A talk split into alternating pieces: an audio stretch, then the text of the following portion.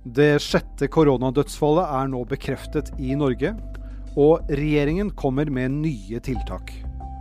Det her er korona kort forklart fra Aftenposten. Det er onsdag ettermiddag 18. mars.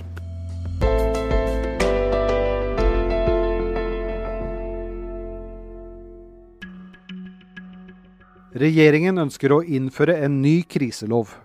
Det innebærer i så fall at nye regler kan innføres raskere, uten at regjeringen må få godkjent disse endringene i Stortinget. Det sier statsminister Erna Solberg. Og i dette er en ekstraordinær situasjon der vi har behov for å handle raskt. Regjeringen vil derfor i ettermiddag sende en proposisjon til Stortinget som vil gi regjeringen myndighet til raskt å kunne fastsette forskrifter, også forskrifter som fraviker fra gjeldende lov bortsett fra selvfølgelig Grunnloven og menneskerettighetene. Tre personer er meldt døde i dag etter å ha blitt smittet med det nye koronaviruset.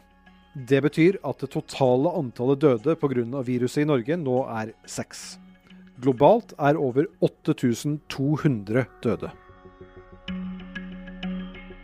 Nav har mottatt over 110 000 søknader om dagpenger på under en uke. Alle som blir permittert, har nå rett på 20 dagers full lønn og så dagpenger fra Nav. Senest i dag har hotellkjeden Nordic Choice gitt 7500 ansatte permitteringsvarsel. Virussmitten har også nådd toppolitikerne her i landet. I dag kom nyheten om at arbeids- og sosialminister Torbjørn Røe Isaksen fra Høyre er smittet. Det betyr at bl.a. KrF-leder Kjell Ingolf Ropstad må i karantene. To av Erna Solbergs nærmeste medarbeidere er også smittet av viruset, men statsministeren er ikke satt i karantene. Stadig flere arrangementer avlyses, og heller ikke Melodi Grand Prix eller Eurovision blir det noe av i år. Finalene skulle gått i Nederland i midten av mai. Kulturdepartementet setter av 300 millioner kroner for å kompensere for tapte billettinntekter for konserter, forestillinger og andre arrangementer som nå blir avlyst.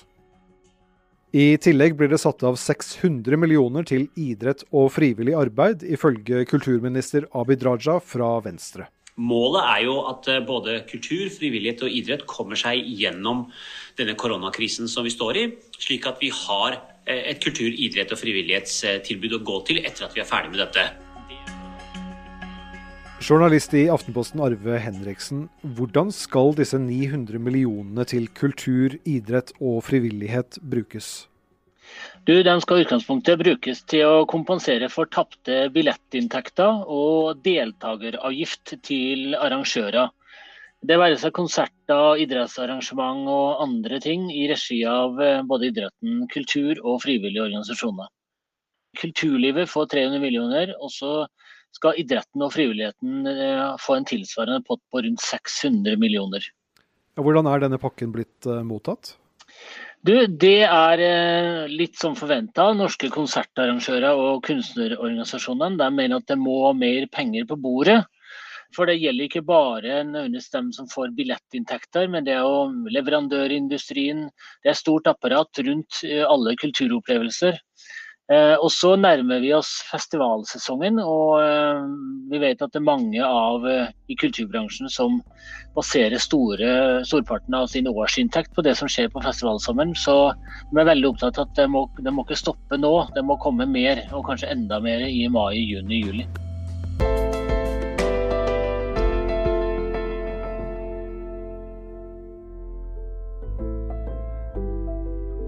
Det her var korona kort forklart. Vi gir deg det viktigste om koronaviruset de ettermiddagene det er noe nytt å fortelle.